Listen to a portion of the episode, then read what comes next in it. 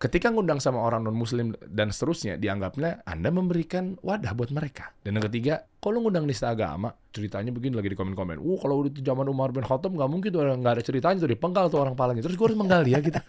Hey! Astagfirullah. Kita kasih solusi.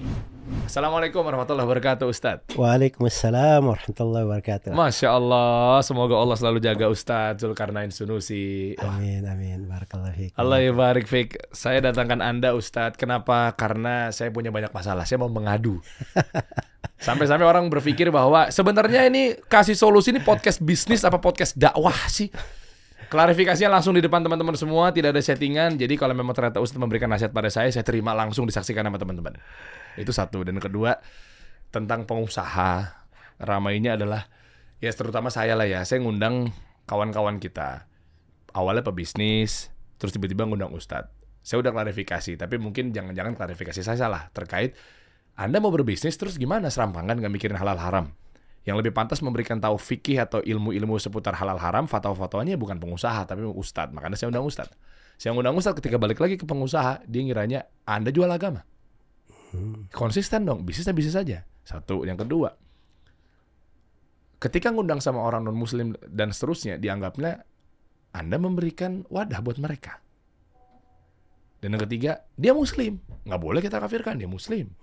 Hmm. Tapi karena dia mungkin bermuamalahnya dengan pernah ada minuman-minuman keras apa segala macamnya di dirinya gitu kan atau enggak dia mainnya sama orang-orang yang sempat menista agama misal diundang ke sini akhirnya dia sama-sama halnya dengan terframing bahwa dia nista agama terus diberikan wadah kalau ngundang nista agama terus ceritanya begini lagi di komen-komen uh kalau di zaman Umar bin Khattab nggak mungkin tuh nggak ada ceritanya tuh dipenggal tuh orang palanya terus gue harus menggali ya gitu hey Astagfirullah. Aduh bingung banget deh. Sampai akhirnya sekarang ramenya tentang pengusaha diwajibkan untuk bayar zakat dan seterusnya. Nah, ini nyambung nih topik kita. Saya coba highlight dulu di depan teman-teman ya. Nanti berikan Ustadz Sul akan menjelaskan detailnya terkait fikih-fikih yang yang detailnya seperti apa. Terus rame pengusaha ada wajib zakat, ikutan donasi, mensupport ini, mensupport itu lembaga ini. Tapi nyatanya ternyata nggak mau lewat pemerintah gara-gara takutnya nyampe nya lama ke Palestina. Nih beritanya Ustadz, bantuan tahap pertama Indonesia ya untuk Gaza masih tertahan di perbatasan Israel. Begini potretnya. Ini digoreng nih sama kelompok-kelompok tertentu sehingga menggiring jangan lewat pemerintah. Kita nih yang tinggal di sana para relawan. Lewat kita aja dong. Iya paling Ikhwanul Muslimin disebut Tahrir. Wah disebut banget baru mulai disebut namanya Ustadz ini disebut banget. Ah. Ikhwanul Muslimin Ibu Tahrir. Nah, i- Ya kalau Ustadz kan yang ngomong kan ya Ya gak apa-apa. Itu memang harus diterangkan. Kalau nggak diterangkan nggak bisa dibedain nanti. Iya iya iya. Boleh lah. Soalnya masih stance-nya kita benar-benar pengusaha. Karena ini semuanya ringkulnya pengusaha. Pengusaha memberikan zakat buat apa? Ya karena memang dia wajib dikeluarkan. Dan yang kedua adalah pengusaha kecil yang menerima zakat, ini juga harus putar usaha kecilnya. Buat bikin usaha kecil-kecilan, sampingan, bikin kue dan seterusnya. Nah ini kan nyambung nih. Ini kompleks banget pembahasan kita. Kita Ya, mulai dari fikih-fikih gimana Ustaz?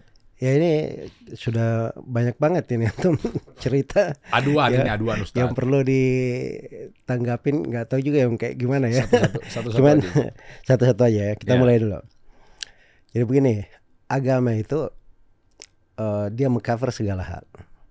Jadi bukan cuman masalah hubungan seseorang kepada Robnya saja atau kehidupannya di dalam beribadah saja.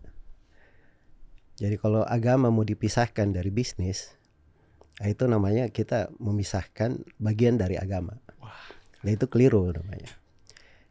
Nah itu repot juga ya karena di fikih itu kita ada empat bab fikih secara global. Ada fikih ibadah, seperempat fikih namanya fikih ibadah. Seperempat yang kedua namanya fikih muamalat. Fikih transaksi, cara jual beli, kemudian bagaimana terjadi sewa menyewa dan apa yang terkait dengan jual beli. Seperempat fikih yang lainnya terkait dengan masalah pernikahan. Ya. Ya, masalah nikah, masalah talak, masalah hulu dan seterusnya. Seperempat yang lainnya itu terkait dengan masalah peradilan, Oke. masalah hukum-hukum. Jadi ini eh, penting ibadah ini antara dia dengan Allah Subhanahu wa taala, muamalah ini semua manusia terikat dengan muamalah. Jadi diatur di dalam agama bukan nggak diatur. Seperempat bab fikih Wow. mengatur. Terus di dalam masalah masalah ini kadang terjadi hal-hal. Nah, itu diikat dengan eh, untuk kesempurnaan seorang dalam apa namanya ibadahnya di dalam muamalahnya. Maka ada, ada namanya pernikahan. Ini yang mengatur keadaan manusia hubungannya dalam statusnya di dalam masyarakat. Nah, ketiga pada tiga hal ini terjadi hal-hal tertentu itu babnya bab peradilan ada yang melampaui batas melanggar dan seterusnya dan di sini juga diatur tentang hukum tata negara Ah, Nah, ada ada aturannya bukan tidak ada aturannya oke. Ya, jadi eh, secara umum memang dari dahulu itu orang-orang yang berbicara masalah agama, mereka pula yang berbicara masalah fikih seputar transaksi jual beli. Oke. Ya, jangan bilang misalnya saya nggak pernah belajar agama, nggak mau belajar agama, saya bisnisnya lurus-lurus saja. Baik, kalau anda lurus itu berarti ada bagian dari fitrah-fitrah yang benar itu sudah diatur dalam agama. Anda nggak belajar juga, itu sudah ada di dalam agama sebenarnya. Cuma anda nggak belajar aja. Kalau dipelajari, maka di dalam agama itu diterangkan lebih lengkap, lebih luas dan lebih mendasar. Ya kayak gitu. Jadi Oke. kalau dipisahkan, nah, itu eh, hal yang sulit dipisahkan dari agama. Itu di satu sudut. Kemudian di sudut lain, hal-hal yang terkait dengan masalah eh, pengetahuan bisnis, kita bantu orang di dalam bagaimana dia berusaha, bagaimana dia mengambil manfaat. Apalagi kalau dalam usahanya itu ada sudut-sudut dia menghidupkan orang-orang lain. Jadi misalnya dia berusaha di sini, berbisnis. Dari bisnisnya eh, dia mempekerjakan 100 orang. Hmm. Itu artinya kan dia menghidupi 100 orang. Iya. Jangankan menghidupi 100 orang, satu orang aja dia hidupi. Itu dalam Al-Qur'an dikatakan waman ahyaha fakaan nama ahyan nasa jami'an. Siapa yang menghidupkan satu jiwa, seakan-akan dia menghidupkan seluruh manusia. Masya Allah. Jadi kita juga sebagai seorang muslim hidup di dunia ini cuman sekali sementara. Iya. nggak ada yang tahu berapa lama kita hidup. Memang kita mau gitu aja berlalu bisnis nggak ada pahala kita dapat, nggak ada keutamaan, nggak ada kebaikan kita peroleh. Padahal dengan berbisnis, kalau kita tahu hukum-hukum, kita bisa berbisnis dapat pahala juga, dapat cuan, dapat pahala juga. Ah. nah itu yang membedakan sebenarnya. Makanya Iya. wajar lah kalau misalnya antum podcast bisnis. Oke bisnis, tapi saya punya keistimewaan lain. Saya bisnis, saya dapat cuan, dapat pahala juga. Ah, iya, iya. Nah, itu kan bisa jadi brand antum sendiri. Nah Allah. itu agama itu selalu indah kalau seorang apa namanya. Memang yang penting niatnya lurus saja, ikhlas Oke. pada Allah Subhanahu Wa Taala. Ya, ya, ya. Ya terus yang ketiga memang di apa namanya terkait dengan eh, pengusaha-pengusaha kan ada sudut-sudut terkait dengan kewajiban. Ya pada harta kita itu ada hak-hak orang juga di situ Iya. yang harus kita keluarkan. Nah, itulah yang dimaksud dengan pembahasan zakat.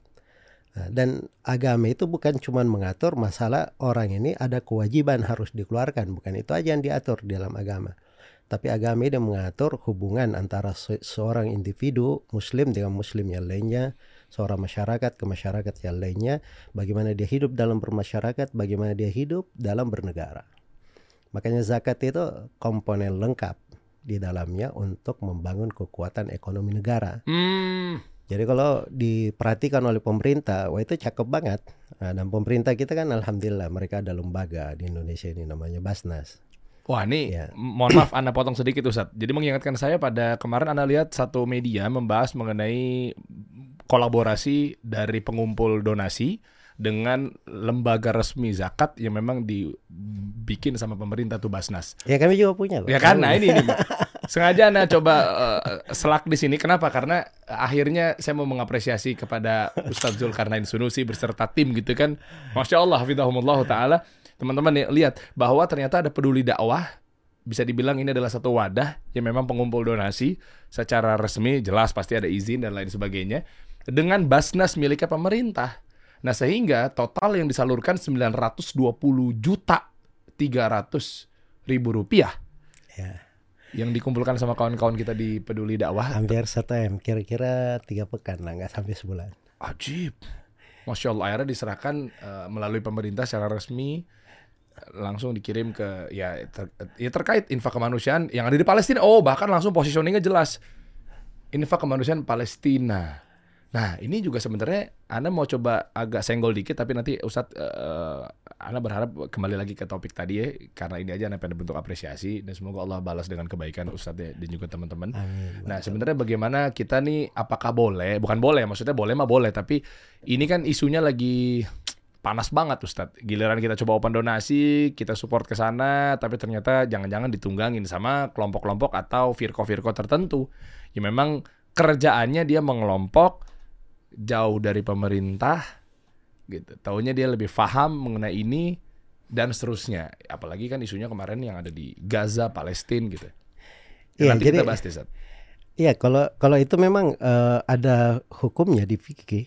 Oke. Malah disebutkan dalam buku-buku akidah malah bahwa penyerahan zakat itu itu harus melalui tangan pemerintah. Oh ya? Itu asalnya. Jadi kalau pemerintah mewajibkan setiap orang menyerahkan zakatnya melalui mereka, kita tidak ada pilihan kecuali merah lewat pemerintah. Dan itu kesepakatan Imam Empat dan seluruh ulama dari masa dahulu tidak ada silam pendapat. Loh kalau dia kenal langsung ke orang yang yang memang dia kenal di kompleknya, di rumahnya, tanpa harus lewat lembaga-lembaga tertentu. Boleh itu aja, boleh aja kalau pemerintah mengizinkan. Seperti di Indonesia ini kan memang nggak diatur Ah. seperti itu. Di ada Basnas tapi pemerintah dari kebaikan mereka mereka beri opsi yang terbaiknya ke Basnas. Tapi hal-hal yang lain kalau mau diserahkan langsung dibolehkan. Oh ya, ya, pemerintah mengizinkan itu adalah dengan definisi bahwa ada lembaga-lembaga yang sudah melalui izin. Ya. Itulah artinya izin pemerintah. Ah, Oke. Baik. Itu sekarang yang berjalan ya. Tapi Hmm. kalau misalnya pemerintah mewajibkan untuk eh, menyerahkan zakat dan setiap eh, usaha atau pribadi dicatat zakatnya setiap tahun oleh pemerintah dan dipungut. Kapan dia mengeluarkan zakat pribadi tidak melalui pemerintah, begitu pemerintah datang menagih, dia harus bayar lagi. Oh jadi double dong. Iya. Karena kenapa dia keluarin? Padahal harus dia keluarin lewat pemerintah. Ah ya ya. Nah, itu memang sudut orang nggak banyak paham. Makanya negara Islam itu dibentuk oleh Nabi Shallallahu Alaihi Wasallam. Rasulullah itu bukan anak raja. Beliau juga bukan anak seorang pengusaha sukses dan beliau juga se- bukan seorang pebisnis besar. Ya. Dan bisnis itu hanya beliau tekuni sebelum beliau menjadi nabi. Ya. Tapi kenapa bisa berdiri sebuah negara Oh, dengan kekuatan ekonomi, kekuatan pasukan, dengan segala hal? Nah, itu zakat erat hubungannya dan ada hal-hal yang lain yang dibekali untuk umat ini tuh. dari fikihnya. Ah, Itulah fikih namanya. Itu bukan ibadah doang, itu masuk dalam fikih muamalah namanya. Ah, Masya Allah, barakallahu fikum tuh. Ada hubungannya juga dengan fikih tata negara.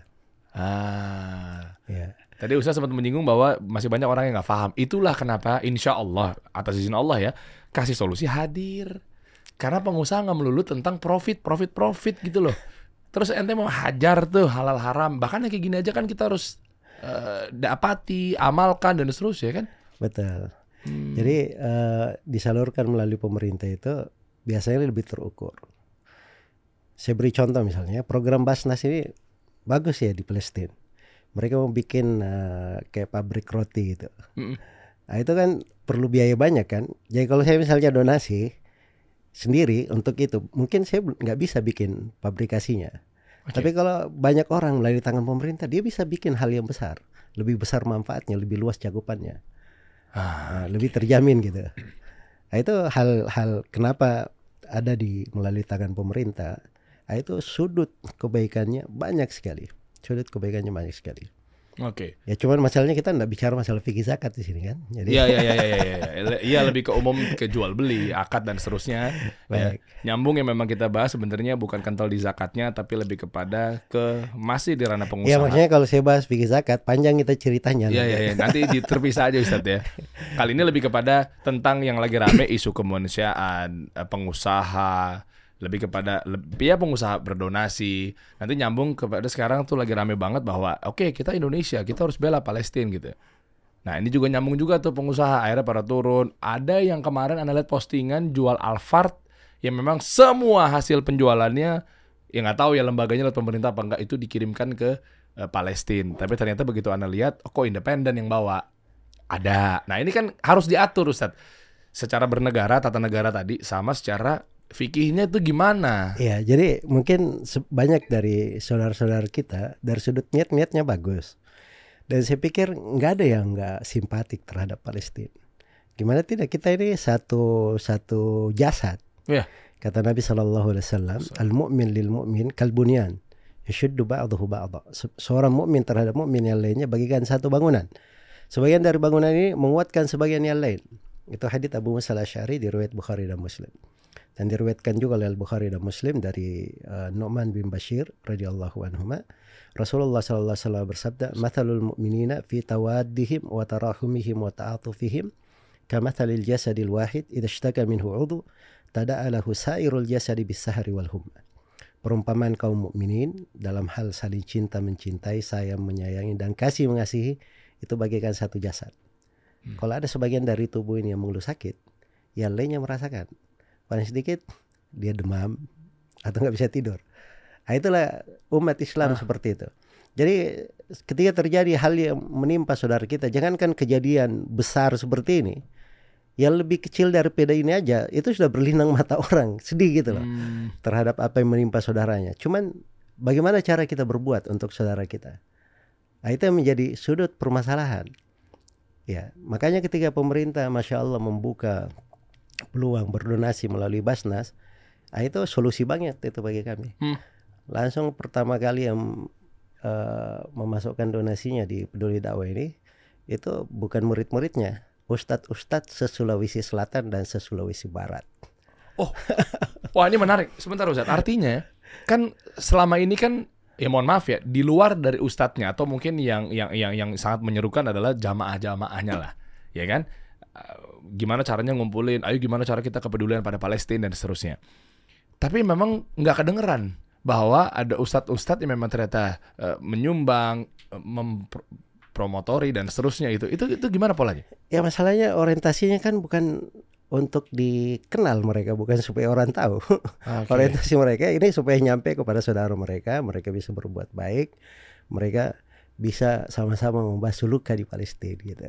Oke, tapi bukankah jangan-jangan ada maslahat ketika ada ustadz juga yang ke depan muncul ke media, nggak tahu ada bab fikihnya nggak ustadz bahwa ini ria atau ini tidak atau ada maslahat yang memang harus disampaikan. Enggak memang disebut di pembahasan uh, zakat. Zakat itu kadang harus ditampakkan. Oke, Sama dengan sedekah, kadang harus ditampakkan pada posisi-posisi yang menghilangkan tuduhan-tuduhan. Iya. Padahal yang bisa me- menjadi pemantik orang lain juga bersemangat. Iya. Ya Itu boleh, nggak ada masalah. Tapi pada asalnya seseorang menyembunyikan, ah, itu lebih selamat untuk amalannya dan lebih Hmm. apa namanya terukur keikhlasannya kepada Allah Subhanahu Wa Taala. Orang kan mencari asasnya kan, asasnya ikhlas. Kalau ikhlas aman semua amalan gitu. Hmm. Ya barakallahu. Allah barik. Sama halnya dengan keikhlasan ini yang terjadi ketika ada orang yang pengen cerita di podcast kasih solusi, meskipun dia itu sangat dekat dengan kehidupan sehari-harinya masih ada kemaksiatan, masih ada beberapa hal-hal yang memang bersinggungan dengan produk-produk yang diharamkan dan seterusnya. Nah, tapi dia mau cerita di sini. Bahkan Anda melihat bahwa oh ini ada yang bisa digali nih untuk teman-teman pengusaha. Nah, tapi kerap kali kami menjadi dapat penyerangan-penyerangan terjadi bahwa lu memberi wadah orang-orang yang berteman dengan yang menista agama. Mungkin bukan dianya yang nista. Nah, ini bagaimana cara mengukur fikihnya bahwa batasan pengusaha belajar ilmu-ilmu bisnis sama orang yang memang disinyalir bahwa dia mungkin kerap masih bermaksiat dan seterusnya. Anda undang ke sini Ustadz. Nah ini gimana polanya? Yang benar yang mana, yang salah yang di mana? Kalau memang ternyata itu salah ya Anda minta maaf gitu. Jadi kalau misalnya ada alternatif, ada yang bisa menerangkan semuanya, menerangkan hal yang sama. semuanya bisa menerangkan hal yang sama. Tapi kita datangkan orang yang paling bagus gitu kan. Iya. Ya antum paling selamat juga, nggak ada masalah, nggak ada kritikan, nggak ada desas-desus. Oke. Itu lebih aman. Tapi memang ada kadang sebagian ilmu, pengalaman-pengalaman orang itu kan mahal juga kan. Itu. Ya. Jadi eh, nggak ada masalah kita ambil pada kadar yang bagus saja, pada kadar yang bagus saja. Dan itu nggak ada nggak ada masalah. Toh Nabi Shallallahu Alaihi Wasallam ada yang transaksi, ada transaksi dengan orang-orang Yahudi dalam jual beli. Ya bahkan Nabi Shallallahu Alaihi Wasallam dikasih hadiah sama perempuan Yahudi, isinya racun malah. Tapi Nabi terima juga. Dari Yahudi itu sudah disebut di dalam, Al-Quran makan riba. Iya. Tapi kenapa masih transaksi? Ah. Karena masuknya pada hal yang tidak ada masalah Oke. pada perkara dunia hal yang tidak ada masalah kecuali kalau ada bahaya yang bisa dikhawatirkan bagi orang lain ah, itu yang apa namanya eh, memang sepatutnya kita hindari ya cuman saya sendiri kadang eh, apa namanya misalnya dari yang undang orang ya Ya. Saya kan cuma tahu perlu belajar bisnis saja. Saya juga nggak pernah baca, nggak pernah dengar. Nah, tiba-tiba ada yang komentar. Komentar ini mungkin akan apa namanya menjadikan orang-orang seperti saya ini jadi korban juga. Hmm. Karena masalah-masalah seperti itu kan saya nggak tahu ngapain dia beritahu saya. Hmm. Ya kan ngapain saya baca juga kan Hmm. misalnya. Nah itu makanya kita juga harus pandai memposisikan tempat apalagi kalau nasihat ya. Nasihat Iya. itu ya jangan gentayangan di alam nyata sana di alam maya sana. Hmm. harusnya kan orang nasihat secara langsung datangi atau hal yang bagus gitu. Tidak membahayakan orang lain. Jadi kedua sudutnya dari pihak kita juga kita berusaha menampilkan hal yang bagus tidak eh, apa namanya memunculkan potensi orang bergerak atau condong kepada hal-hal yang tidak baik. Tapi bagi orang yang juga ingin mengkritik dia mengkritik dengan cara yang baik. Jangan di komentar-komentar atau di ini tapi dia bangun hal yang bagus. Sebab dari sudut niat maksud maksudnya insya Allah semuanya eh, sama. Supaya ada manfaat untuk manusia apalagi eh, manfaatnya memang membangun kekuatan ekonomi. Dan itu bermanfaat untuk masyarakat dan bermanfaat untuk negeri kita Oh, Oke. ya barakallah Ah, Masya Allah, Allah ibarik. Ustadz gini Ustadz, Anda mau langsung tajam aja Ustadz. Sebelum kita bahas mengenai balik lagi ke masalah Palestina juga sebenarnya Anda pengen tahu lebih dalam ya. eh, bagaimana sikap pengusaha terhadap eh, mendonasi dia punya harta lebih untuk mendonasikan ada profit yang mau dikirim ke sana dan seterusnya karena memang ini masih masih panjang kan ya tapi eh, yang mau anda bahas gini langsung anda tajam aja langsung contohnya kasih solusi itu sendiri anda pernah ngundang seseorang eh, kita pakai contohnya dua deh dua orang deh yang pertama adalah dia punya restoran babi oke Ya, di wilayah-wilayah tertentu dia punya itu. Nah, cuma memang udah disclaimer bahwa begitu anda undang di sini, saya bilang sama dia bahwa bro, gua nggak mau promosikan tempat lu apa segala macam ya. Terlepas dari, ya ini kan sama aja lu kan ngasih tahu dong. Orang jadi ke-trigger, orang jadi notice gitu. Eh, bukan itunya, tapi lebih kepada kan pengalaman lu bisa dipetik. Bahkan ada juga masuklah penyerangan-penyerangan terjadi adalah ya itu hak mereka dan saya terima gitu nasihatnya yaitu eh, kan kalau kita dengerin dari dia, mana dagingnya? Pas udah gue cek ternyata nggak daging-daging amat. Padahal niat anak pribadi adalah, oke dia nggak punya ilmu bisnis yang lebih kuat misalkan, tapi perjalanan itu dia menceritakan tentang kegagalannya. Bukan kita harus pelajarin sama pengusaha-pengusaha juga. Nggak melulu kita belajar dari solusi, tapi bisa jadi belajar dari masalah orang kan. Satu dan yang kedua nanti Ustadz mungkin bisa rangkum pertanyaan ini atau jawaban ini gitu ya, jadi satu. Dan yang kedua adalah memang dia dekat dengan eh, orang yang katanya disinyalir sebagai penista agama. Dia duduk juga di sini. Kasusnya mirip-mirip bahwa misalnya dia nggak daging-daging amat, tapi dia punya pengalaman dan kisah yang luar biasa. Nah, batasan apa yang memang harus di, di- dijalankan gitu ya, atau dipahami? Kalau memang ternyata sebenarnya dia ini muslim dan dia bukan dia yang menista agama karena framingnya terlalu kuat karena dia nempel sama penista agama. Hmm. Nah, eh, padahal di situ ada sudut banyak faktornya. Memang terkesan pembenaran gitu, tapi faktornya adalah karena memang kita melihat bahwa belajar bisnis sama siapa aja. Dan yang kedua adalah mungkin orang ini juga bisa membawa dampak. Ada orang-orang yang pengikutnya dia ternyata bisa tahu adanya keberadaan podcast kasih solusi sehingga dia dapat manfaat yang lebih gitu ya misalnya insya Allah. Atau mungkin dia juga dekat juga sama pemerintah. Ya kalau boleh baper mah bahasanya mungkin ada segelintir dari orang-orang melihat saya dengan perawakan dan seterusnya disangkanya bahwa wah ini keras, wah ini radikalisme dan seterusnya gitu karena sehingga mungkin ada satu maslahat yang memang mohon maaf nih saya harus transparan di sini nggak apa-apa apa adanya. Oh barangkali untuk melihat bahwa menjadi penjembatan kepada pemerintah bahwa oh ini aman-aman aja kayaknya di podcast. Bukan maksud kamuflase atau muka dua, tapi nyatanya memang ya, begitulah kami gitu. Kita bermuamalah ya sama siapa aja gitu. Nah, itu gimana Ustaz menyikapi hal ini? Iya nggak ada masalah untuk hal-hal yang saya sudah sebutkan tadi bahwa perkara yang maslahatnya jelas, Oke. Apalagi dasar-dasar yang dibangun itu eh, besar ya. Mungkin kalau teman-teman yang dia berbicara ranah pribadi, oke mungkin secara pribadi dia nggak layak seperti itu. Ah, Tapi kalau misalnya masuk di ranah kasih solusi, misalnya punya banyak pengaruh, bisa apa namanya membangkitkan kekuatan eh, sektor ekonomi para pebisnis Muslim. Iya. Ya kemudian eh, itu juga akan membuat hubungan mereka lebih luas. Iya. Ya. Dan membuat bisnis mereka juga lebih kuat. Itu kan bagus sebenarnya sudut Masya kekuatan. Itu kan bagian dari kekuatan dan kembalinya juga kekuatan ke negara gitu. Iya. Ya, jadi kalau hal yang seperti itu mungkin layak bagi kayak solusi, bagi yang lain mungkin nggak nggak cocok. Cuman masalahnya sekarang memang di sini eh, ranah mengukur karena kita ini antara maslahat dan mafsadat. Ada hal yang maslahat, ada yang mafsadat, kan gitu. Ya. Maslahat-maslahatnya ketika lebih besar, maka maslahat ini itulah yang didahulukan untuk diambil. Ya, dan mafsadat-mafsadat kapan bisa dihindari? Harusnya kita menghindari mafsadat. Kecuali kalau memang tidak bisa kita hindari, ya maka eh, kita pertimbangkan bagaimana yang selayaknya di dalam hal tersebut. Ya dan sekarang hal-hal yang seperti itu kan bukan pikiran semua orang. Hmm. Dan saya cerita di sini pun tidak semuanya bisa paham. Mm-mm. Karena pertimbangan-pertimbangan seperti itu itu di fikih saja, itu fikih kelas atas. Itu ada pembahasan namanya maqasid syariah, maksud pensyariatan. Itu ada pembahasan namanya masalah kaidah-kaidah fikih yang merupakan pokok pembahasan di muamalah. Oke. Nah, dan itu banyak kaidah, ada lima kaidah besar, ada kaidah-kaidah cabang di dalam hal tersebut. Nah, kemudian ada juga masalah eh, keahlian di dalam membedakan antara sebuah masalah dengan masalah yang lain. Nah itu bukan bukan orang yang baru belajar, apalagi pengusaha yang tidak ada histori belajarnya. Oke. Makanya ada kebijaksanaan-kebijaksanaan dibuat oleh Nabi Shallallahu Alaihi Wasallam dan semua sahabat paham kebijaksanaan itu.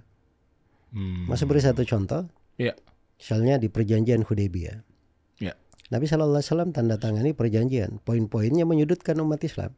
Di antara poinnya umat Islam mereka tadinya di Hudaybiyah mau ke Mekah mau pergi haji. Umat Islam tahun ini belum boleh haji. Harus pulang dulu. Terus di antara poinnya kalau ada umat Islam dari penduduk Mekah lari ke Madinah wajib dikembalikan ke Mekah. Tapi ada penduduk Madinah dari umat Islam, misalnya dia murtad lari ke Madinah, ke Mekah, tidak boleh dituntut oleh umat Islam dibalik kembali. Itu kan menyudutkan juga. Tapi bersamaan dengan itu diterima oleh Nabi Shallallahu Alaihi Wasallam. Dan bersamaan dengan itu turun surah Inna fatahna laka fatham mubina. Sesungguhnya kami telah membukakan untuk engkau kemenangan yang sangat jelas. Dianggap kemenangan. Hah? Kenapa bisa seperti itu? Ah itulah nggak semua orang bisa nyambung cerita itu. Ah, ya, ya, ya. Sampai Umar ibn Khattab saya waktu itu berkata, Ya Rasulullah, anak balud daniya fi dinina. Ya Rasulullah, apa kita terima kehinaan dalam agama kita? Kenapa kita ambil? Ah, Ah, barulah setelah itu Umar di masa mendatang, baru beliau paham. Dan beliau waktu itu eh, berkata, eh, tuduhlah buruk pada pendapat-pendapat pribadi kalian. Sungguh saya masih ingat bagaimana saya ketika di Hudaybiyah itu. beliau menyesal banget gitu. Aduh. Ya karena tanpa sekali baru selesai perjanjian Hudaybiyah sudah terbuka berbagai kemenangan. Nah itu di dalam sejarah jelas. Makanya hal-hal yang seperti itu kalau misalnya memang ada sudut maslahat bagi kasih solusi yang bisa dipertanggungjawabkan dan sudah minta pertimbangan kepada orang-orang yang ahli, dijalankan saja. Nggak semua orang harus ridho di dalam hal tersebut. Memang kita harus membuat semua orang ridho di dalam hal Wah, yang bagus. apalagi ridhonya ridho manusia lagi. Gimana ceritanya? Hmm. Ah, Masya Allah. Jazakallah khair. Ya, ya Allah warifik. Nah, inilah yang harus diketahui teman-teman pengusaha. Termasuk halnya dengan gak cuma sekedar ngundang orang, tapi melihat bahwa kontribusi apa yang dilakukan dia terhadap negara gitu. Itu kan pokok pembahasan kita yang inti. Iya. Nah, contoh yang lagi panas sekarang, lagi rame adalah tahun 2024. Pemilu. Oke? Nah ini audiens sudah tahu nggak nih bahwa kasih solusi ini memang eh, ada satu sudut mem- ingin menguatkan kekuatan ekonomi dalam negara ini, Oh iya dong, ada dong. menjadi mitra negara di dalam membangun kekuatan bangsa. Ya, iya. Nah, terus yang paling cakepnya lagi kasih solusi itu ingin main di ranah aman, tidak ada radikalisme dan tidak ada apa namanya hal-hal yang Oh, iya. membahayakan negara. Nah, itu kan Itu kan yang sebenarnya poin-poin penting itu itu sudut-sudut global harus dipahami. Ah, Jadi kadang ada kebijaksanaan-kebijaksanaan mengarahnya ke sana. Ah. Kayak gitu aja cara berpikirnya kan mudah itu. iya betul. Tiga itu memang nggak pernah lupa karena kan Ustadz sebagai pengawas eh, di sini dalam arti ana masukan dan lain sebagainya makanya ana paham makanya itu dia Ustadz. Gimana ya? Ente pengawas kalau Iya. bukan Ustadz. Maksudnya gini. Iya iya. Eh, dalam artian kan nggak mungkin semuanya kita gamblangkan. Apalagi bawa bawa nama Ustadz satu. Dan yang kedua adalah nggak semua juga harus ana jabarkan detail. Yang kayak begitu-begitu. Gitu. Nah makanya eh, gimana ya? Kadang juga ntar terlalu dijabarkan disangkanya pembelaan pembenaran. Nah yang kayak gitu-gitu. Nah memang kedengaran itu nggak nyambung. Gimana jelasinnya? Anda banyak diplomatis di sini. Anda ngundang orang-orang yang memang dis- dirasa yang mungkin anda benci teman-teman. Ya udah nggak apa-apa. Ini haknya gitu loh. Tapi ada beberapa poin-poin penting yang sebenarnya tadi Ustadz udah kode-kode gitu kan. Akhirnya keluar juga tuh tiga poin tadi. Gimana caranya kita ini bermanfaat buat negara, kita support ekonomi bangsa. Eh, Terus kalau memang ternyata ini adalah dalam skup yang kecil, minor, terus bahkan ada isu-isu stigma-stigma negatif yang masih melekat sama ah sebut saja regulator apa segala macam. Terus gimana caranya kita bisa muncul ke permukaan dalam tanda kutip bisa membantu proses-proses dari ekonomi-ekonomi tertentu buat bangsa. Masa harus dijelasin kayak begitu kan agak lumayan PR juga ya Ustadz ya. Iya makanya banyak orang itu kadang merasakan kebaikan manfaat, tapi dia nggak tahu prosesnya kebaikan itu sampai ke dia kayak gimana. Wah, dalam banget ya. Nah itu biarin aja, kita sepanjang apa namanya antum sepanjang eh, ada niat yang bagus, sudah melakukan proses yang bagus, ya nggak apa-apa, nggak ada masalah itu. Masya Allah. Nih Ustadz. Itu biasa sih, Iya, iya, iya, tantangan-tantangan itu biasa. Nih ini, ini Cuman ini ada satu loh. Oh boleh boleh Ustadz. Kadang saya sering dapat ini juga ya, nggak saya kan jarang baca-baca, dengar-dengerin. Cuman kadang teman-teman ada yang tanya, ini ada yang ngisi begini, ada yang mengisi begini. Ustadz tahu ya di dikasih solusi. Bilang saya nggak tahu, memang ada apa. ya katanya kan Ustadz penasehat di sana. Ada ini. Ya bilang teman-teman itu memang ya teman-teman saya dan memang kita beri arahan. Ya, kalau masalah hubungan setiap orang ngisi dan seterusnya, ah, ini pekerjaan lebih banyak daripada itu. Ya ya ya. Gini teman-teman. Saya satu disclaimer, saya pendosa. Saya satu lagi yang kedua adalah saya pasti punya salah, pasti. Terus yang ketiga, mau sedekat-dekat apa pun manusia terhadap pemuka agama, tokoh agama, ya balik lagi ke pasal 1, pasal 2 gitu kan. Bisa aja saya tergelincir. Tapi kan arahan yang diberikan itu kan kita sebisa mungkin. Sama halnya dengan tawaran yang terjadi untuk tanggal 22 Desember 2023 pada saya pribadi. Nah, ini langsung saya belak-belakan di sini, nggak ada kompromi, biarkanlah nanti Ustadz pengen tahu jawabannya seperti apa dan Anda menjadi saksi teman-teman. Insya Allah judulnya begini headline deh. Insya Allah saya masih berjalan dengan kehati-hatian sesuai dengan arahan, terutama beliau, Ustadz Zulkarnain Sunusi. Apa itu? Beberapa hari yang lalu, manajer saya dapat telepon. Ini true story nih. Dari sebuah stasiun televisi yang memang disinyalir adalah ya bisa dibilang salah satunya atau bahkan satu-satunya official TV debat capres dan cawapres. Ingin meminta saya untuk hadir di situ sebagai panelis. Oke? Ngapain tugasnya? Yaitu mengamati bahkan bisa mengomentari apa yang dilakukan oleh capres dan cawapres dari hasil debat. Yang tentunya temanya ini adalah yang nantinya di tanggal 22 ini. Apa itu? UMKM, ekonomi, dan seterusnya. Ya, tentang pajak penghasilan. Nah, dari kami hadir eh, pengen a- Anda ada di situ untuk menjadi panelis dan mengomentari kira-kira bagaimana dengan penanggapan dari cawapres karena kebetulan tanggal 22 ini kan cawapres ini nggak tahu saya tayangnya kapan segini ya teman-teman pokoknya tanggal 22 aja. Terus waktu itu manajer saya ngontek saya. Waduh, ini urusannya perdemokrasian nih ya. Entah dulu deh. Jawaban saya begitu. Coba Mi, namanya Rizmi, coba kontak lagi. Kenapa saya hati-hati di sini? Karena takutnya khawatirnya yang saya pahami terkait ini adalah tolong menolong dalam urusan-urusan yang mungkin kita tahu bersama. Saya nggak mau fikirnya lebih dalam, tapi lebih kepada ah ini isu sensitif nih, ya kan? Kok ngaji tapi kok istilahnya malah ngurusin begituan? Ah panjang lah Berpolitik gitu. berpolitik gitu kan. Nah akhirnya penolakan pertama terjadi. Akhirnya balik lagi manajer saya singkat cerita nggak dia pengen ada di sini karena nanti komentarin. Bener nggak nih gagasannya nih? Terus lu bisa juga kasih feedback. Kalau memang ternyata adalah program-program dan gagasan seperti itu, ini nggak masuk akal karena kondisinya UMKM kita nih 64,7 juta yang harus begini begini begini. Sekarang isunya lagi begini begini. Ya kurang lebih begitulah. Saya nggak mau teknis lebih dalam. Nah artinya kan sudut pandangnya kan dari selaku pe- pelaku gitu ya, praktisi ada yang bisa digambarkan jangan-jangan nggak kayak gini programnya nggak works gitu. Karena mungkin dise- dirasa stasiun TV itu adalah menilai bahwa saya mempraktekkan ilmu itu bener nggak? Nyambung nggak nanti di tahun 2024 kalau memang ini untuk lima tahun ke depan UMKM terbantukan. Apa kesimpulannya? Karena bentuk hati-hatian dan juga arahan dari Ustadz tentunya dengan hati-hati jangan muda-muda gitu hal yang mubah dan seterusnya. Saya tolak Ustadz. Saya takut. Lu bener? Saya tolak. Nah ini coba saya mau tahu Ustadz dengan penolakan tersebut, ya terlepas bukan menyesali kalau memang ternyata jawabannya ada yang A, B, C, D gitu, tapi lebih kepada bagaimana cara pengusaha menyikapi hal-hal demikian dengan urusan berpolitik. Apalagi sekarang isunya adalah tentang demokrasi. Hmm. Nah, kalau kayak tadi, ambil apa enggak Ustadz? Eh terlepas dari ternyata udah saya tolak, darullah gitu. Ya maksudnya itu Apakah tolong menolong dalam pesta demokrasi dalam hal gara-gara gagasan saya akhirnya jadi terbantukan para capres dan programnya dijalankan, tapi ternyata gagasan saya kan dengan beririsan dengan demokrasi. Iya maksudnya kalau misalnya antum tolak itu hal yang bagus juga kan? Dari sudut eh, cari aman hal yang kadang kita juga eh, khawatir masuk ke situ. Ya itu sudut-sudut syari sebenarnya alasan itu. Bagus. Tapi sebenarnya kalau saya pandangan saya kalau kayak gitu apalagi di posisi misalnya kayak al Khdiri hadir aja kalau saya Hadir. ya Oke. emang kenapa memang kita cawapres tiga orang ya kan Oke.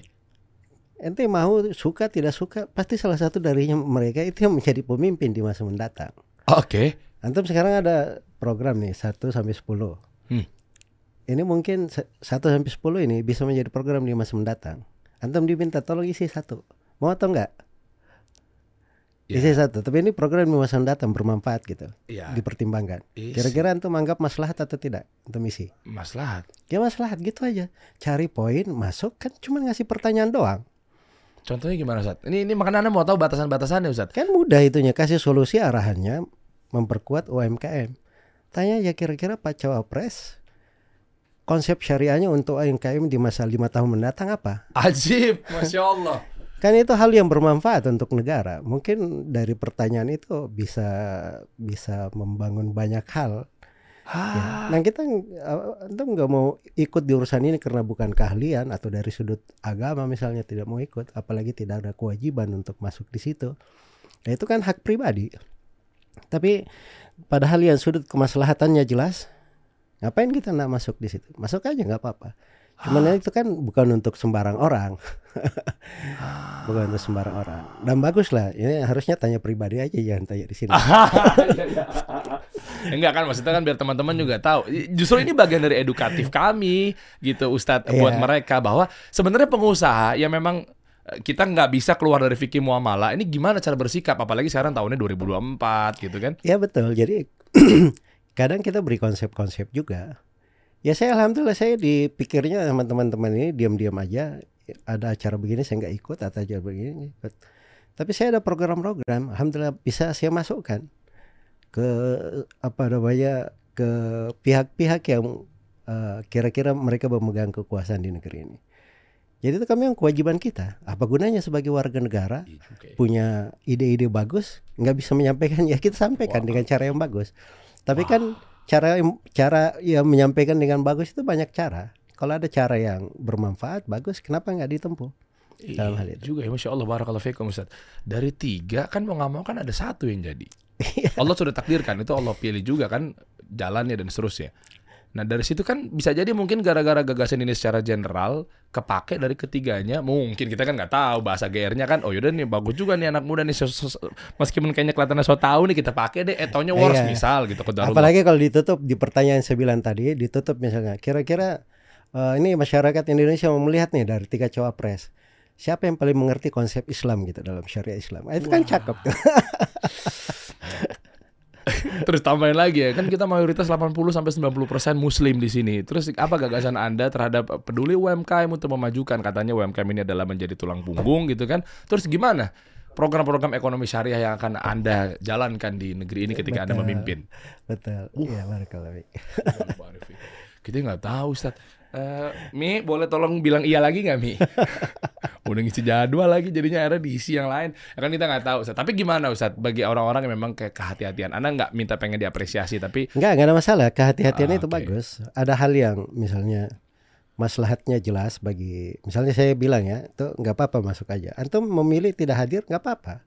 Sebab itu asalnya aman bagi antum, nggak Hmm. masuk gini. Tapi kalau misalnya hal itu dianggap eh, sangat bermanfaat, ah, itu lebih bagus ya. Kita juga di setiap kondisi kadang eh, hal-hal kita tanggapi sesuai dengan konteksnya, kejadiannya. Sebab eh, kekuatan hal yang menyeru berbeda-beda. Ada kadar yang mengharuskan, ada kadar yang tidak mengharuskan, ada kadar maslahatnya sangat besar sekali, ada kadar maslahatnya tidak besar. Itu kami memang perlu ada pertimbangan-pertimbangannya. Iya, Hmm, barakallahu. Sama aja dengan kalau berbicara mengenai maslahat, pengusaha juga apakah semaslahat itu untuk langsung berangkat ke Palestina, ke Gaza untuk bantu pengusaha-pengusaha yang ada di sana?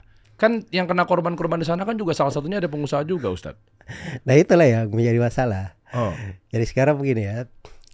Jadi pemerintah itu kenapa mereka punya wewenang khusus tidak diberikan kepada rakyat kepada karena ada hal-hal yang hanya bisa dirubah dengan tangan pemerintah.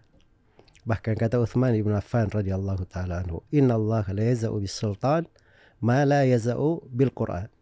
Sungguhnya Allah Subhanahu wa taala merubah atau menahan keburukan dengan tangan penguasa apa yang tidak bisa berubah hanya dengan hanya sekedar dibacakan Al-Qur'an.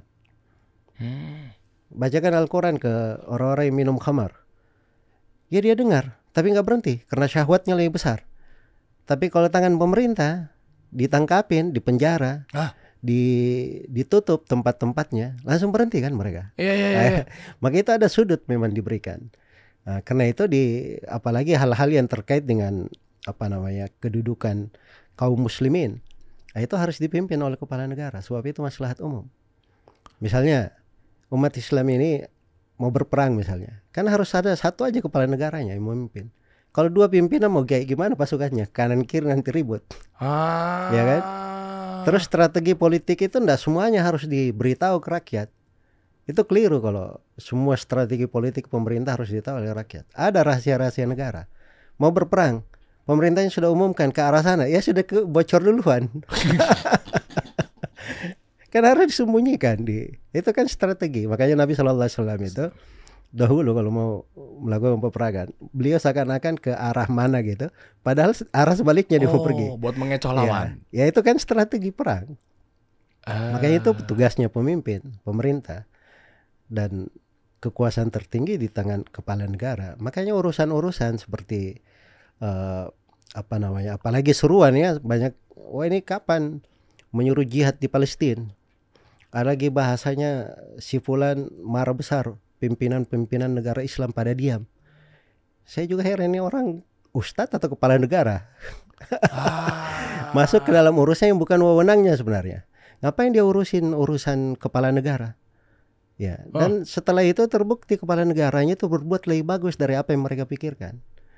Kita lihat sendiri kan eh, presiden kita masya Allah bicaranya ya, menteri luar negeri kita. Kemudian bagaimana langsung diperintahkan Basnas untuk apa namanya menggalang bantuan untuk Hmm. Palestina. Nah, negara-negara Islam yang lainnya juga seperti itu. Kan orang ketika terjadi sesuatu tidak membabi buta harus ada strategi. Karena tidak boleh seorang itu menghilangkan kemungkaran yang akan melahirkan kemungkaran yang lebih besar. Itu diharamkan menurut kesepakatan ulama. Oh, makanya kalau mengambil keputusan itu nggak langsung kayak gitu. Ada suatu dipikir di kepala langsung di ujung lisan langsung di ujung apa namanya langsung di tangan dan di kaki tapi dipikir dengan bagus banyak pertimbangan. Nah, itulah urusan-urusan kenegaraan. Kadang ada hal yang di masa sahabat dahulu mereka nggak setuju terhadap Muawiyah radhiyallahu taala nggak setuju. Tapi begitu ketemu dengan Muawiyah dia keluar sudah mendengar alasan Muawiyah keluar dia hanya memegang pendapat Muawiyah yang benar. Dan pendapat yang lain. Karena dia nggak tahu apa alasannya apa sudut politiknya apa. Kalau orang ngerti ah, baru dia paham Iya, nah masalahnya eh, khawatirnya adalah kalau lama bergeraknya Ustadz, segelintir orang langsung bilangnya bahwa ini bukan Saudi Arabia tapi Yahudi Arabia. astagfirullah lah iya kan, takutnya kan kok nggak gerak nih, berarti anda sama aja seperti Yahudi juga dong. Anda kolaborasi nih, jangan-jangan nih. Soalnya lama geraknya. Nah, artinya ini malah jadi bukan fitnah lebih besar Ustadz. Dalam artian kayak, ya juga ya harusnya gerak ya. Ah, itu poinnya gimana Ustadz? Ini memang rame juga ini. Ini salah satu imbas apa namanya negara eh, apa namanya tidak memberikan ketentuan khusus di sini. Harusnya tidak ada yang bicara masalah-masalah seperti ini kecuali negara. Orang-orang yang seperti itu itu harusnya diberi adab diberi etika. Sebab dia bicara bukan urusannya. Hmm. dan itu Nabi Shallallahu Alaihi Wasallam memberi ketentuan tegas. Di dalam Sunan Nabi Daud dari sahabat Auf bin Malik radhiyallahu taala anhu Rasulullah sallallahu alaihi wasallam bersabda, "La yuhadditsun nas illa amir, au ma'mur, au mukhtal." Tidak ada yang boleh bercerita kepada manusia menyampaikan sesuatu kecuali seorang pemimpin atau siapa yang diperintah oleh pemimpin, ada izin dari pemimpin dia bicara. Atau kalau enggak dia adalah mukhtal. Mukhtali itu orang yang bersombong, orang Ah. yang masuk ke dalam hal yang bukan urusannya. Ya, ini dia posisinya di mana dari tiga ini? Ini banyak dari mereka ini masuk di posisi yang ketiga. Dia bukan pemerintah, bukan Mm-mm. pula diperintah oleh pemerintah berbicara di situ. Akhirnya kacau. Terus nuduh orang sembarangan. Yahudi Arabia. Saudi Arabia menjadi Yahudi Arabia. Naudzubillah itu pengafiran terhadap negara Saudi namanya. Oh takfir masuk ke Ya, dia anggap orang Yahudi. Yahudi apa? Muslim atau non Muslim? Eh Muslim. Nah, itu mengafirkan negara namanya. Oh iya. Oh masuknya jadi bab takfir ya? Iya, karena orang-orang ini memang pemikirannya takfiri. Oh. Jadi wajar itu lisan itu biasa kalau pemikiran seperti itu, itu di lisannya keluar. Eh ngeri banget. Ya, negara orang aja dikafirin apalagi negara kita. Ah. Jadi kalau dia bilang misalnya eh, Yahudi Arabia itu dia kafirkan negara Saudi semuanya, penduduk Saudi semuanya dia kafirin. Dan Rasulullah sallallahu alaihi wasallam bersabda, "Man qala li akhihi ya kafir faqad ba'a bihi ma ahaduhuma. Hmm. In kana kama qal wa illa hara alaihi." Barang siapa yang berkata kepada saudaranya wahai kafir. Hmm. Kafir kan banyak bahasanya, wahai kafir, wahai Yahudi, wahai Nasrani. Itu kan kafir semua itu bahasa Hmm, kafir. hmm, Maka ini kalimat harus ditanggung oleh salah seorang dari keduanya. Hmm, balik Kalau lagi. tidak seperti yang dia katakan, maka itu kalimat balik terhadap dirinya. Itu bahaya besar hal yang seperti itu. Ya kemudian dasarnya orang-orang yang tidak ngerti tapi sok paham gitu loh. Sok paham. Hmm. Ilmu politik dunia saja nggak ngerti apalagi politik agama. Masuk ingin berbicara, oh kenapa diam saja membantu. Dia nggak ngerti Saudi Arabia ini dari masa Raja Abdul Aziz bin Abdurrahman Al Saud dan anak-anaknya para raja sampai hari ini semuanya selalu menjadikan masalah Palestina prioritas pertama di negara mereka. Masalah donasi. Ini mereka nggak cerita nih bahwa di Saudi Arabia dalam satu malam ngumpul donasi itu berapa berapa ratus juta real dalam satu malam. Masalahnya nggak ada buktinya Ustadz kali. Hah? Masalahnya berita-berita itu nggak ada yang mau masukin ke Indonesia. Dan orang-orang Saudi ini bukan orang-orang yang gemar kalau bikin sesuatu dia harus sebarin sana sini. Ah. Eh lu, lu lihat gua, Oh. gua buat kayak gini. Mereka bukan orang kayak gitu. Orang yang berucap kayak gini aja, yang berucap mirip-mirip kayak gini. Ini bukan orang mau di apa namanya cekal saya. Emang lu siapa di harus diperhatiin sama Saudi Arabia gitu. Yang kayak gituan kan bukan bukan hal yang penting bagi mereka. Dari politik Saudi itu dari puluhan tahun, banyak orang yang mencela mereka, menyerang mereka. Justru orang Saudi berbuat baik. Tetap diberikan ini mau masuk haji diberi haji. Hmm. Nggak ada mereka kayak memusuhi orang. Ya dan itu sudut apa namanya politik dijalankan di Hmm. negara mereka. Nah itu adalah hal yang bagus karena memang di masa ini masa rahmat Islam itu harus diperkenalkan. Tapi jasa-jasa seorang anak kalau cerita tentang jasa-jasa Saudi Arabia terkait dengan Palestina, apa namanya itu pembahasan panjang sekali. Ya, Hmm. mungkin banyak orang yang nggak tahu bahwa beberapa tahun pemerintahan Palestina itu yang membiayai biaya pemerintahan itu Saudi Arabia. Allahu Akbar. Orang-orang aja nggak pernah cerita. Tahu nggak tahun kemarin haji? Ya. Seribu orang Palestina tamu Raja Salman. Oh ya. nggak ada satu negara seribu orang tamu Raja Salman. Iya, Oh. Itu perhatian mereka terhadap rakyat Palestina. Ya kemarin bantuannya saya itu hubungannya dan ada hal yang lebih besar lagi sebenarnya. Hmm. Nah, ini sudut karena Saudi itu lagi mengatur strategi perdamaian dengan Israel yang dibawa perda- di dalam perdamaian ini akan menjamin hak-hak warga Palestina. Nah, ini ada sebagai ada orang-orang yang tidak mau perdamaian ini terjadi. Ah, kebaca tuh. Jadi harus ada keributan-keributan. ah, selalu. Jadi ya. kita bisa inilah, kita bisa lihat ya. Yang bermain di situ kan coba lihat ya. Saya nggak mau nyinggung kelompok atau ini, tapi saya ini nggak bego-bego banget ya. Apa Ustaz? Inisialnya? Saya bisa bisa nilai Iya. juga gitu. Inisialnya apa Ustaz? Coba kayak gini ya. Ada sebuah negara ya. Mm-mm. Wah selalu ini kita serang serang Israel. Mm-mm. Oke baik. Ada kemarin dari Yaman juga orang-orang eh, Syiah. Houthi. Ya, katanya sudah ngirim puluhan ribu tuh pasukan sudah berjejer menuju ke Israel. Iya. Mana batang hidungnya sampai sekarang nggak muncul-muncul. Terus Lebanon katanya. Hizbullah, Hizbullah sama alirannya Syiah semua nih. Syiah. Oke dari dahulu itu orang Syiah itu ndak ada di dalam sejarah bermusuhan dengan orang Yahudi nggak ada. Bahkan yang ada di dalam sejarah Ibnu Katsir sebutkan di biografi Ibnu Al-Alqami Ibnul Al-Qamina orang Syiah yang menjadi sebab masuknya Tatar menguasai umat Islam di Baghdad. Ah, Dan mereka sangat senang sekali kalau Yahudi atau Nasara berkuasa terhadap umat Islam. Jadi kalau cari sejarah itu nggak ada sejarah. Ini si Perdana Menteri Israel ini sebelum diserang-serang ini, ini sudah kacau di dalam negeri tadi, sudah lemah dia. Ah. Tapi begitu kena serang-serangan, sekarang bersepakat semua mendukung dia. Nah, itu kan nggak bego, kok bisa manfaatnya lebih besar. Dan itu biasa trik. Oh kan Israel kan kena korban 2000 orang meninggal. Ini akalnya nggak tahu di mana. Umat Islam yang meninggal hampir 20 ribu orang dari saudara-saudara kita yang meninggal. Terus masih dianggap bahwa ini hal yang lumrah gitu. Loh, ya makanya kan dibu- di- dibentuk satu pasukan. Kalau nggak siapa lagi yang bela gitu. Makanya ada ya organisasi apa segala macam. Berarti kan bagus kita harus dukung tuh pasukannya. Pemerintahnya mana? Pemerintahnya, pemerintah Palestina. Harus dengan nama pemerintah. Ormasnya ini ormas bukan pemerintah. Terus dia kalau berani ngapain dia berperang di tengah saudara-saudara kita di di dalam di tengah rumah-rumah yang akan korban nanti rakyat Palestina. Perang kayak di luar sana banyak tempat untuk dia berperang. Kenapa dia nggak berkumpul di wilayah-wilayah kosong itu yang sudah dibom di sana, berkumpul di situ membangun serangan? Karena ada berani. orang Israelnya mungkin saat di perumahan itu. ya itu urusan mereka. Saya hanya berpikir secara umum saja. Lempar-lempar bom puluhan ribu begitu, eh, lima ribu. Pabriknya di mana tuh? Dengan pabrik. Ana, ana mikir aja gitu, pabriknya di mana? Sebentar, sebentar, sebentar, sebentar, sebentar. Nah, sebentar lagi. Yang main di apa namanya kemanusiaan ya, sebagian yang tampil Indonesia ini katanya urusan kemanusiaan di sana. Tahu harga bom berapa? Harga rudal itu dia tahu berapa Oh dolar. iya iya iya. Ya tahu orang ini itu. Urusan kemanusiaan masa rudal aja dia ngerti harga. Oh, iya lagi. Jadi sekarang saya kembali kepada satu konsep.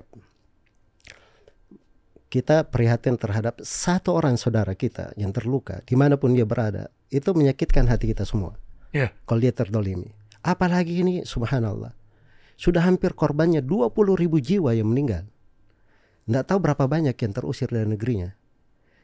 Ya katanya mau mempertahankan wilayahnya. Sekarang sudah pada keluar meninggalkan negerinya karena khawatir akan jiwanya. Ini tidak masuk akal. Karena itu disebutkan kesepakatan ulama, disebutkan oleh Imam Nawawi, sebelumnya oleh Ali bin Abdussalam, bahwa peperangan apa saja yang tidak menyebabkan kemenangan untuk umat Islam, tidak menyebabkan kekalahan untuk musuh, maka itu adalah peperangan yang tidak disyariatkan.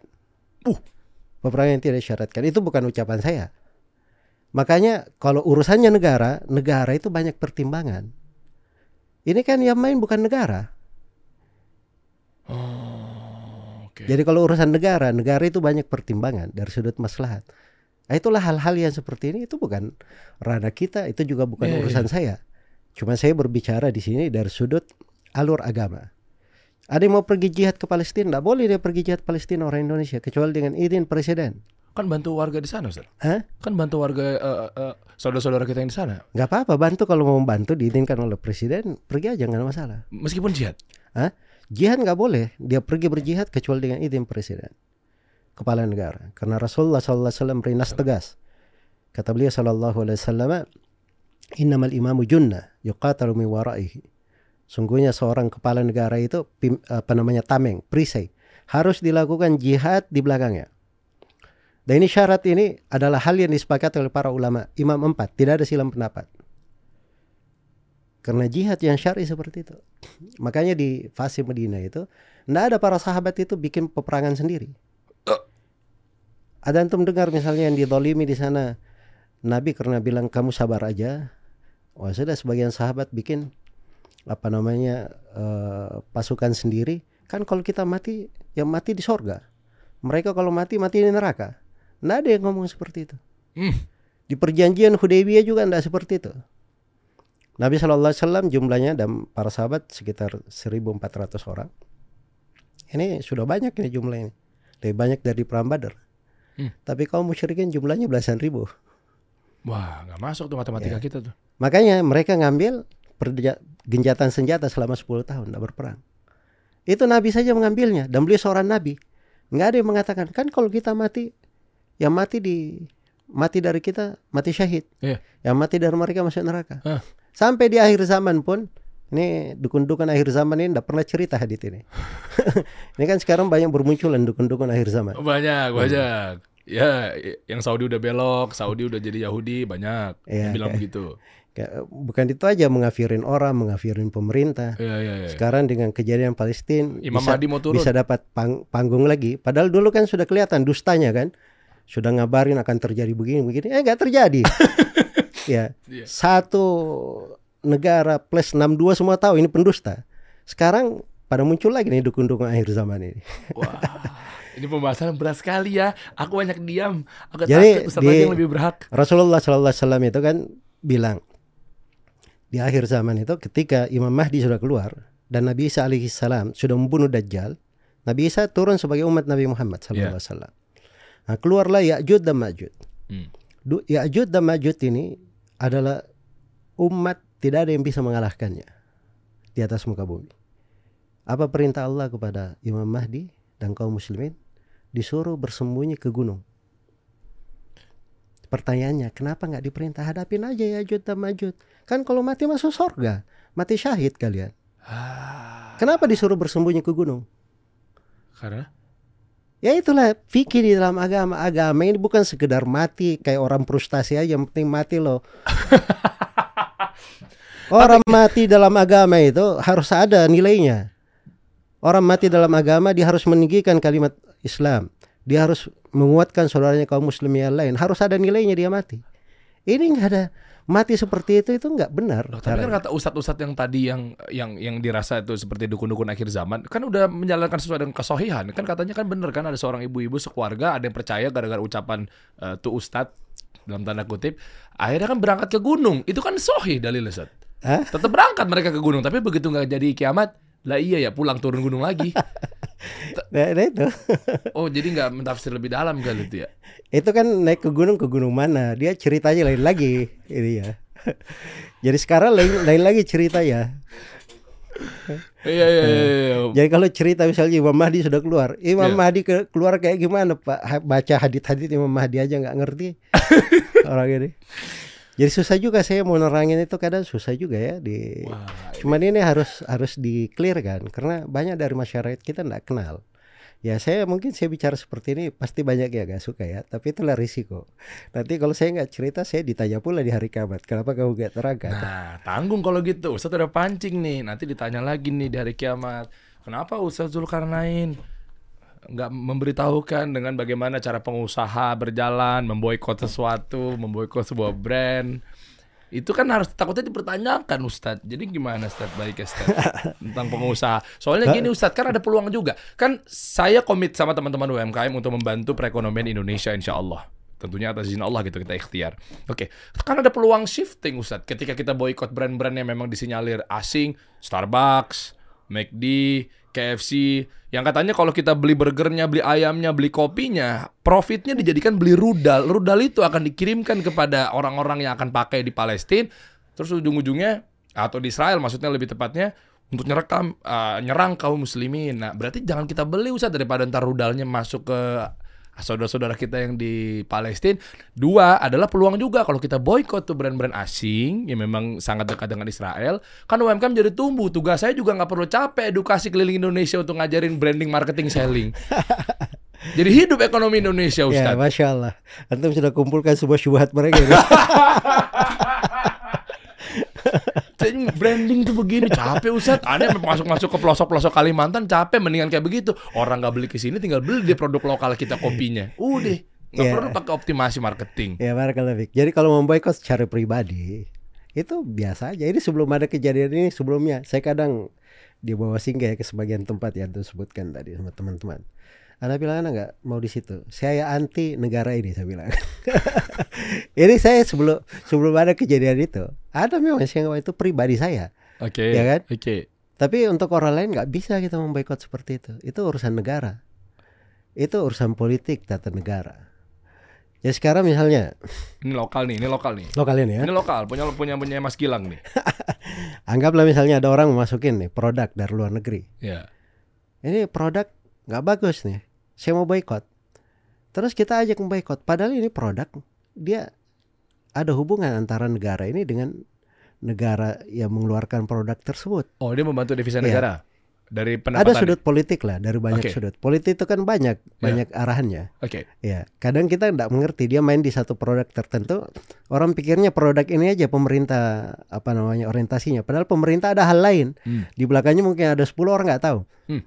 Yang diinginkan oleh pemerintah. Itu kan sudut politik, makanya nggak semua orang tahu. Iya. Karena itu itu ranah pemerintah. Yang keluar, yang senang ribut-ribut masuk di ranah pemerintah itu, itu orang nggak lurus. Dari masa Nabi itu sudah ada. Ah. Ya Nabi itu membagi pembagian-pembagian. Itu kan urusan Nabi membagi zakat, membagi harta rampasan perang, membagi eh, jizyah yang datang dibagi oleh Nabi Shallallahu Alaihi Wasallam. Itu kan urusan kepala negara. Iya.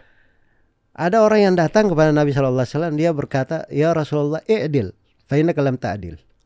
Wahai Rasulullah berlaku adil lah kamu. Engkau ber- belum berbuat adil. Ya Allah, Rasul nih, gitu ya. Anda siapa? Hei. Jadi itu sudah ada di masa Nabi bibit-bibitnya. Ya.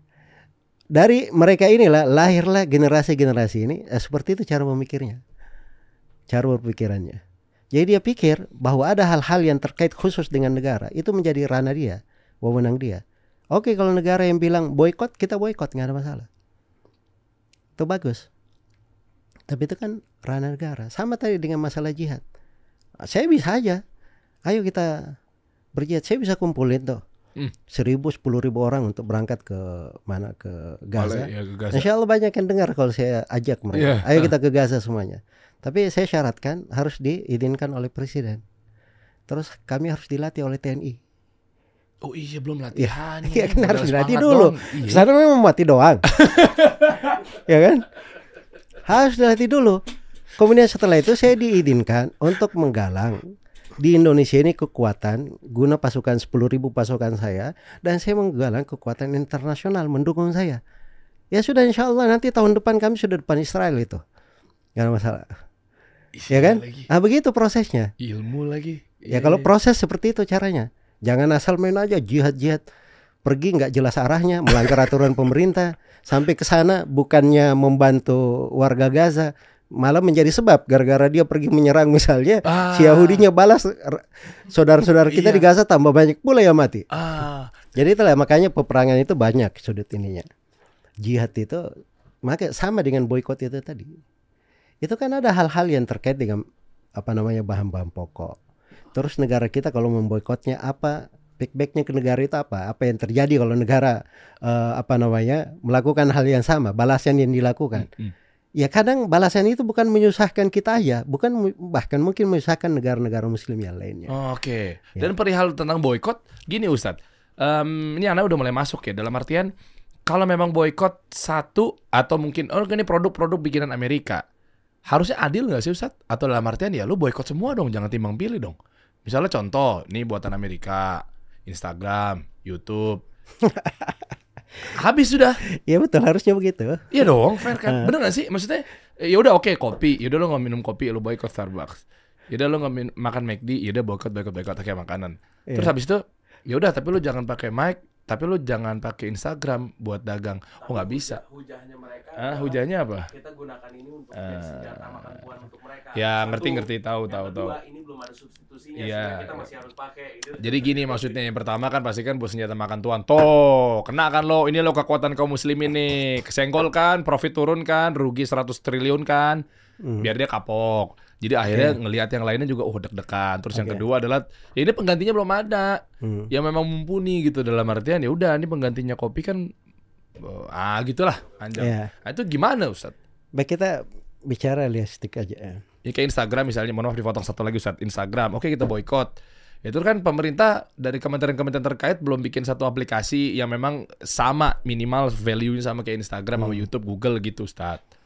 Baik sekarang ada produk-produk yang mereka boikot katanya sudah pengaruhnya akan menurunkan. Itu dari mana analisanya? Terus kenyataannya memang si Yahudi ini sudah berhenti. Iya ya, nggak berhenti. Mereka demo-demo di seluruh dunia untuk itu memang bisa menghentikan. Ya, i- Malah ditertawain sama mereka. Hmm. Ditertawain. Jadi maksudnya ada hal-hal kalau dilakukan mungkin ada maslahatnya. Tapi hal-hal yang seperti itu itu harus dibangun di atas perintah atau izin dari sebuah negara Hmm. itu urusan negara. yang membuat seperti itu. Jadi kadang ada yang bawa cerita juga. Ini apa namanya? eh, dulu di masa dahulu ada perempuan dari sudut eh, negeri Islam yang paling jauh. Ketika dia didolimi di sana, tidak ada yang menolongnya. Dia cuma berkata, "Wa Mu'tasimah." Sampai itu kepada Raja Al-Mu'tasim langsung dikirim pasukan. Ah, itu kan kepala negara. Iya lagi. Yang berbuat itu kan kepala negara. Ente kayak gimana caranya? Hmm. nyampaikan kisah itu. Jadi maksudnya tadi saya singgung ya kaum khawarij itu kenapa dia sering masuk-masuk seperti itu. Karena itu sama dengan perbuatan orang-orang HTI Ikhwanul Muslimin di Indonesia seperti itu. Hmm. Dia selalu bilang nanti kebangkitan Islam akan bermula dari Indonesia, Ya dari timur kan bilangnya katanya. dari timur. Iya. Nanti tidak ada yang bisa menyelamatkan Gaza kecuali dari Indonesia. Iya. Nanti ujung-ujungnya diajak untuk memberontak dulu ke pemerintah Indonesia, alasannya supaya kita bisa pergi berjihad nanti. Ah iya lagi klasik template. Iya, jadi kayak gitu aja permainannya kan dari dulu sudah lama itu. Yang galang-galang donasi dulu dari Bosnia, Herzeg. Itu sudah banyak yang, ayo kumpulkan sampai sudah bikin Jakarta akan berangkat. Nggak ada juga yang berangkat tuh orang-orang. Batang hidungnya nggak ada yang yang nggak ada yang pergi. Wah duitnya ke mana? Malah malah lebih canggih Pak Soeharto waktu itu. Heeh. Beliau turun mendarat di sana untuk menunjukkan Ah. dukungan terhadap umat Islam. Nah, itu hebatnya kepala negara. Kepala negara itu bisa memberikan sesuatu yang tidak bisa dilakukan oleh orang-orang lain. Makanya pemerintah eh, Islam itu sudah mengatur ada hal-hal itu diikat dengan aturan-aturan negara. Oh, kayaknya harus ada bab khusus ya. Bener tadi Ustaz sempat nyinggung mengenai pembahasan tata negara tuh bernegara dan seterusnya ini banyak orang yang yang modal semangat. Ini makin kebuka loh teman-teman. Mungkin nggak tahu deh teman-teman setuju nggak nih para pengusaha terutama yang memang memiliki kendali dalam bentuk uang gitu ya. Ini kan fitnahnya luar biasa nih. Yaudah kita bantu support atau mungkin dia kena eh, psikologisnya. Ada orang datang, ayo dong mau nggak kamu jadi donaturnya? Kan kamu pengusaha nih, bantu dong rakyat kita di sana. Dia keluarkan tuh satu miliar misalnya sendirian gitu kan. Tapi ternyata ya baik itu pengusahanya pun juga harus ngaji dalam tanda kutip untuk perihal bagaimana kita bernegara. Itu masuknya, mohon maaf Ustaz, ini anak awam aja ya. Eh, ini masuknya dari bab apa bernegara? Maksudnya masih di ranah akidah atau? Karena kan di sini kan eh, banyak firman Allah yang yang yang yang eh, Allah tuang gitu dalam artian kita taat sama pemerintah, pemimpin, penguasa gitu. Ya jadi ada sudut-sudut kebersamaan dalam fikih bernegara itu masuknya karena akidah. Akidah bener kan Ustaz? Ya, misalnya Ah. eh, jihad harus dengan kepala negara. Penegakan sholat Jumat itu harus dengan izin kepala negara. Penegakan sholat Id, Idul Fitri, Idul Adha itu dengan izin kepala negara juga. Ini kan sering rame juga nih.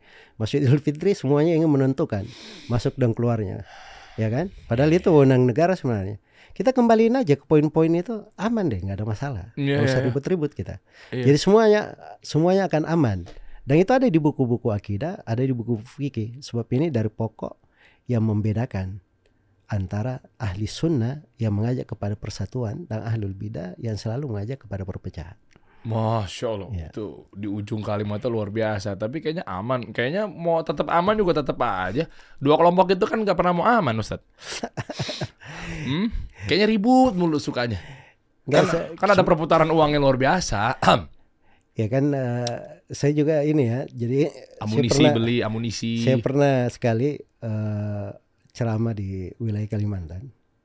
Saya heran juga ya, saya dari awal ceramah itu saya lihat ada satu orang, dia tuh selalu ngelihat ke botol apa namanya ke air minum yang ada di depan saya. Saya nggak sebut mereknya, ya, merek yang terkenal lah di Indonesia. Kalau Oke. kita cari air kayak gini, semuanya akan sebut merek itu, walaupun bukan merek itu. Ah, ya. tahu tahu. Ah, Oke. jadi sudah ada di depan saya.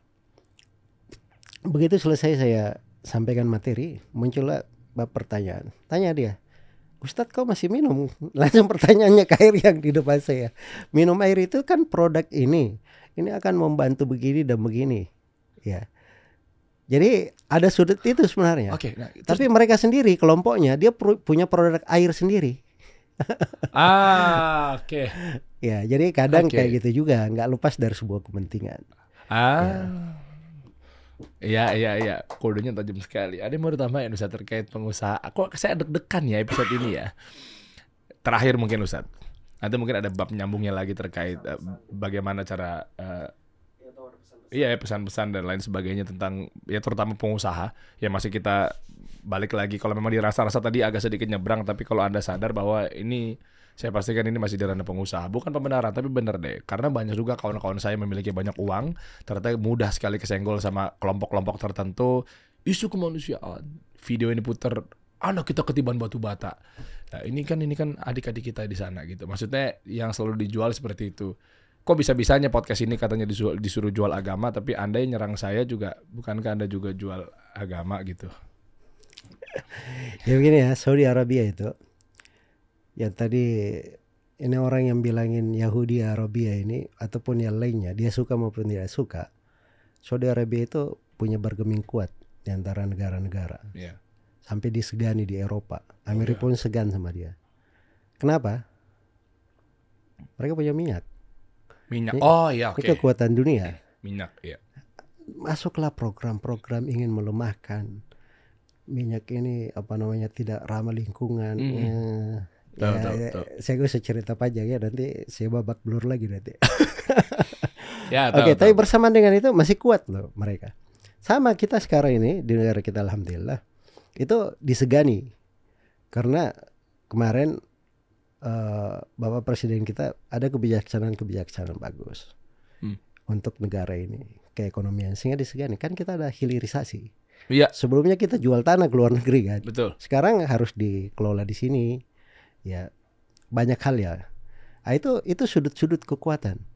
Dan itu Allah berikan keberkahan seperti itu di negeri-negeri kaum muslimin. Mungkin saya di timur tengah itu kok bisa di padang pasir seperti ini banyak minyaknya gitu loh? Ya. itu subhanallah. Dan alhamdulillah kita juga kita bersyukur kepada Allah banyak kita memiliki aset-aset yang harusnya itu menjadi kekuatan negeri kita sendiri.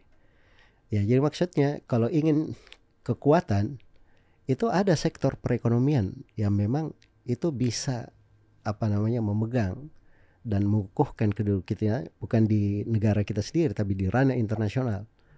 Bisa terjadi seperti itu. Di situlah letak kekuatan, kekuatan para pebisnis muslim, Hmm. UMKM.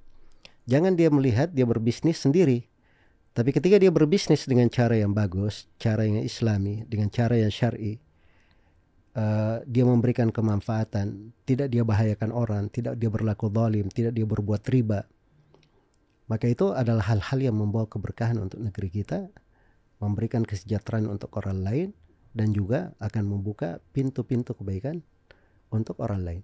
Jadi kalau semua pebisnis seperti ini, itu akan muncul kekuatan ekonomi tersendiri di negeri ini. Dan itu akan menjadi sebab mereka disegani Mm-mm. oleh negeri-negeri yang lainnya. Tapi perlu diketahui, bukan ekonomi doang, Hmm. harus belajar. Iya. Karena umat Islam itu di masa Nabi Shallallahu Alaihi Wasallam terpelajar. Mereka punya semua fikih. Makanya kelihatannya aja nggak punya duit, karena mereka itu dunia ndak di hati mereka, di tangan doang. Tapi dia bisa manfaatkan aset yang sedikit menjadi kekuatan yang sebesar-besarnya. Wow. Nah, itu harus belajar fikih dong dalam hal itu. Ya, saya kan belum ini dari kemarin kan saya bilang nanti kalau kapan-kapan kita cerita bagaimana membangun aset negara tanpa modal. Saya bisa kasih konsep. Nah, Nah, itu nanti kapan-kapan kita cerita. Iya. Itu kan ada konsep-konsep syariah di dalam hal tersebut. Duh. Ya, cuma itu pembahasan waktu lain. Ya, nanti Ustaz, setelah debat cawapres capres eh, selesai, kenapa ntar takutnya dicontek ilmu Ustaz? Malah justru bagus ya, malah jadi Wah, arahan ya. deh. Saya Ya, harus ya. sembunyi kalau kayak gini ya. Ya, iya, iya. boleh Ustadz nih, mungkin ada sedikit kenang-kenangan dari saya karena bentuk apresiasi dan terima kasih saya karena Ustadz juga sudah turut membantu para pelaku bisnis atau UMKM di negeri ini, ya kan? Nah, barangkali kan dengan Ustadz juga support, nggak cuma support, saya yakin, saya sangat berbaik sangka sama Ustadz bahwa dalam sholat Ustadz, doa-doa dan seterusnya juga pengen negeri ini jadi lebih baik, terutama Insya Allah juga pasti Ustadz mendoakan para UMKM dan pengusaha kita. Maka dari Ya, itu, ini saya mewakili teman-teman pengusaha. Kan kita juga pengen kecipratan dari sisi tuh jariahnya juga kalau Ustadz pakai buat sholat. Allah barik fik. Masya Allah tuh Ya, Sarung safir Masya Allah. Nabi itu nggak menolak hadiah, makanya saya nggak bisa nolak hadiah. Nah itu tuh. Ya, Kayaknya kode tambah dua lagi kali ya. Anak kasih sarung safir teman-teman ya Buat Ya, Ustadz Zul gitu kan. Ini adalah sarung tenun pilihan kita semua. Barakallah fik. Allah ibarik Semoga Allah berkahi antum semua dan teman-teman yang apa namanya uh, berbisnis di sektor yang halal dan hal Amin. yang bermanfaat untuk diri mereka, untuk keluarga mereka dan terutama untuk masyarakat dan negerinya. Barakallahu fikum. Masya Allah Kita kasih solusi.